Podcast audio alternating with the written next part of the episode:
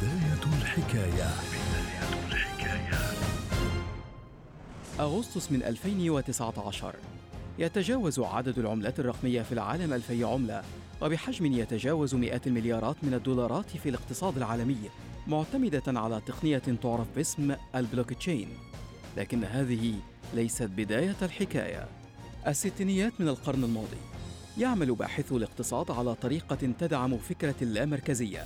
وينشرون في عام 1967 ورقة بحثية تتحدث عن أنماط الشبكة اللامركزية لكن الصعوبات التقنية تحول دون تحولها إلى واقع فعلي حتى تظهر من جديد في عام 2008 منطلقة من الأزمة الاقتصادية العالمية ومستفيدة من تطور التكنولوجيا حينما يطرح شخص أو مجموعة أشخاص يطلقون على أنفسهم اسم ساتوشي ناكاموتو.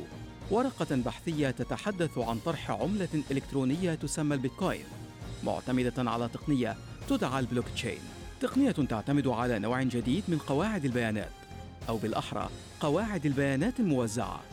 تستطيع إدارة عدد غير نهائي من البيانات يمكن النظر إليها كسجل إلكتروني يسجل المعاملات والصفقات ويقوم بإدارتها. كل معاملة بها تسمى كتلة أو بلوك. وكل بلوك منها يحتوي على معلومات تشير إلى الكتلة السابقة. بالتالي فهي عبارة عن سلسلة من الكتل المتتالية. تقنية بها قدر عال جدا من الأمان لأنه لا يتم تعديلها من أي طرف. فعندما يتم دخول البيانات وتسجيلها لا تحتاج لوجود طرف ثالث. كما أنها أسرع في معالجة البيانات وتخزينها ويمكنها كذلك أن تقوم بأي نوع من التحويلات بدءا من تحويل الأموال إلى نقل البضائع والملكيات.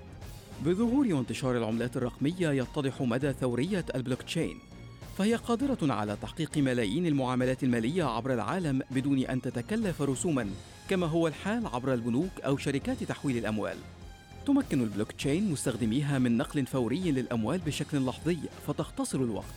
ومع تسجيلها كعملية ضمن سلسلة عمليات من دون معرفة هوية من أجراها فهي تحفظ للمتعاملين خصوصيتهم وسرية بياناتهم. تتجاوز البلوك تشين العملات الرقمية إلى العقود الذكية لإتمام العمليات التجارية والمدفوعات والتحويلات المالية.